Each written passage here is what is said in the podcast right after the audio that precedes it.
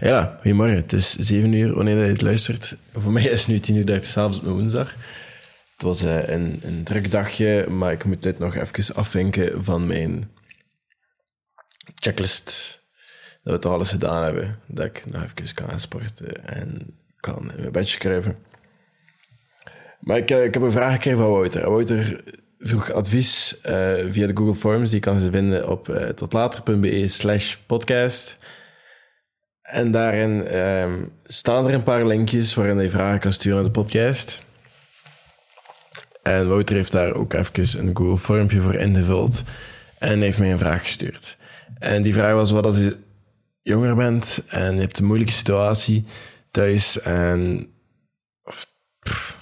Ik had een beetje van algemeen. Je hebt, je hebt gewoon een moeilijkere tijd in het leven. Je hebt het een beetje lastiger.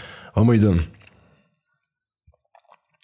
En that's why I'm here. Hè. Dat is waarvoor dat deze podcast is ontstaan, is om jonger verdwalen zelf minder verdwaald te maken. Dat is waarom dat ik dit blijf doen, is voor vragen zoals dat.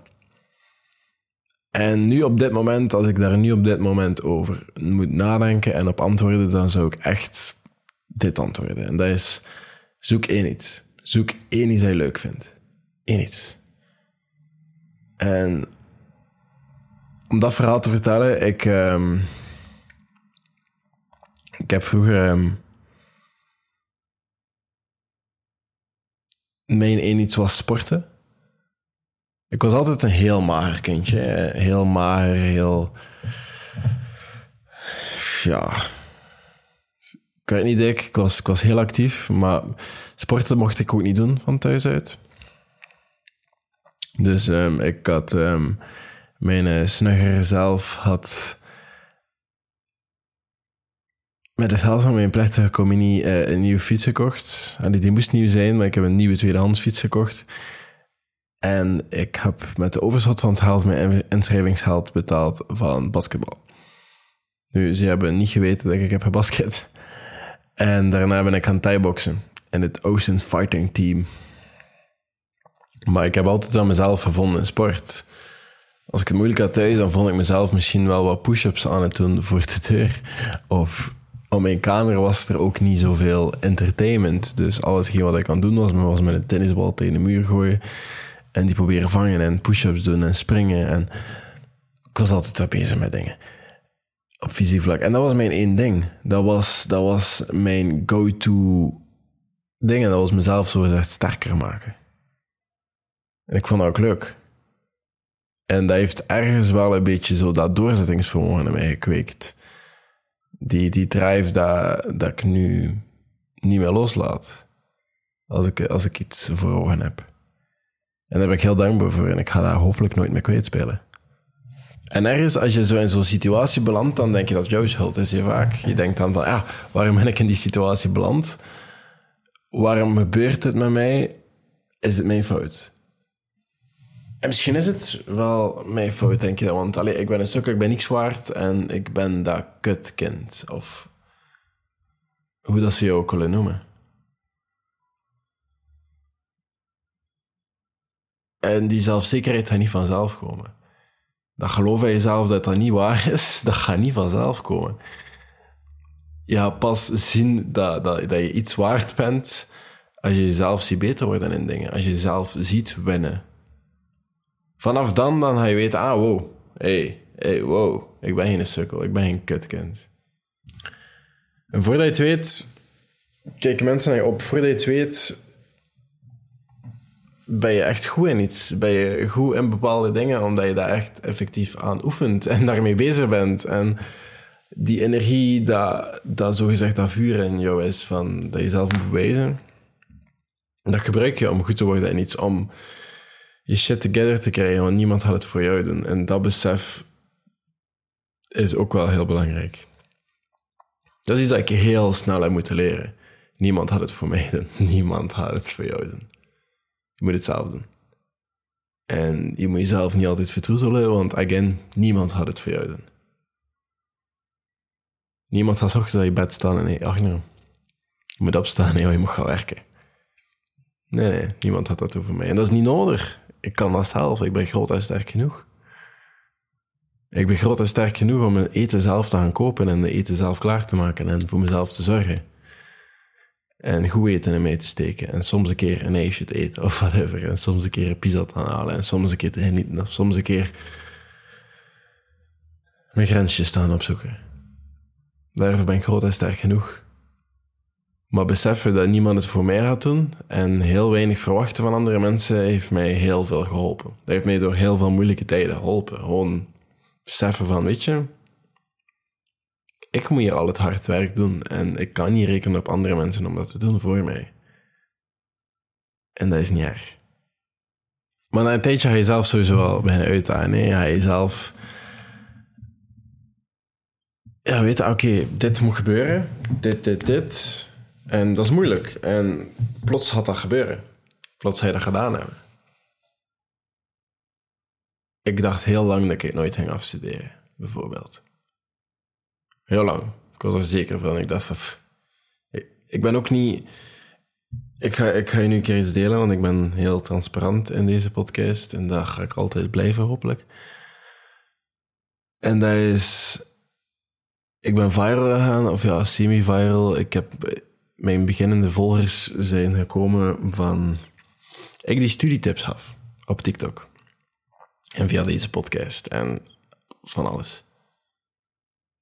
Ik die studietips gaf. Daar is mee begonnen. Ik ben amper naar de lessen geweest, hè. amper. Ik haalde geen uitzonderlijke goede punten. Tenzij dat ik het vak echt interessant vond en dan kon daar soms wel een keer een uitblinker tussen zitten. Maar los daarvan was ik niet zo'n goede student. Maar ik dacht bijvoorbeeld nooit dat ik kan afstuderen en plots is dat dan gelukt. Plots heb ik een geen coole job. En het ene wordt gedaan na het andere. En plots ben je, plots ben je te geloven in jezelf. Van, ah, wow, what's next? Maar wij hebben wel zo moeilijkheden nodig. En ik denk dat je jezelf eerst moet aantonen wat je kan, voordat je naar het volgende kan gaan. En soms moet je daarvoor heel klein beginnen. Soms moet je een heel simpel doel maken om te weten, ah oké, dit is haalbaar om dan een keer een moeilijker doel te denken, maar ik weet niet of dat gaat lukken. En dan jezelf bewijzen dat dat wel lukt. En dan, ah, fuck, ik kan veel meer.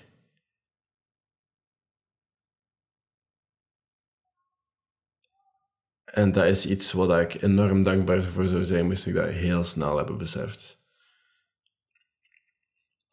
Maar soms is dat gewoon een proces van lange duur. En soms heb je een beetje langer nodig. En dan ben je daar een beetje langer mee bezig. En moet je heel veel fout maken om dan uiteindelijk te beseffen van, oh fuck dat, dat ging wel lukken all.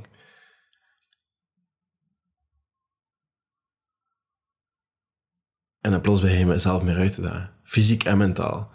Maar pas op, jezelf fysiek uitdagen is één groot mentaal spelletje. Hoor. Als ik heel lang aan het lopen ben, dat is één groot mentaal spelletje. In één seconde kan ik beslissen om te stoppen. Dus ik moet me iedere seconde bezighouden met mezelf te overtuigen van niet te stoppen. Dus onderschat het mentaal spelletje bij jezelf fysiek uitdagen niet.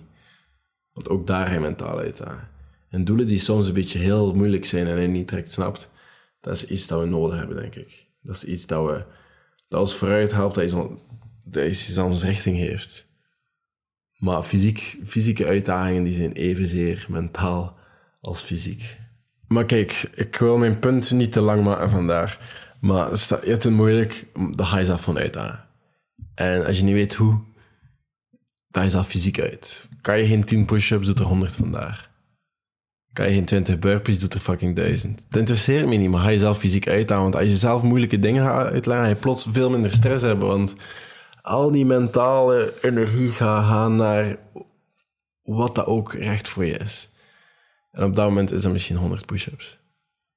En daar ga je mentale stress naartoe gaan. Je gaat niet mee bezig zijn met die problemen. Je gaat bezig zijn, hoe ga ik hier die 100 push-ups doen?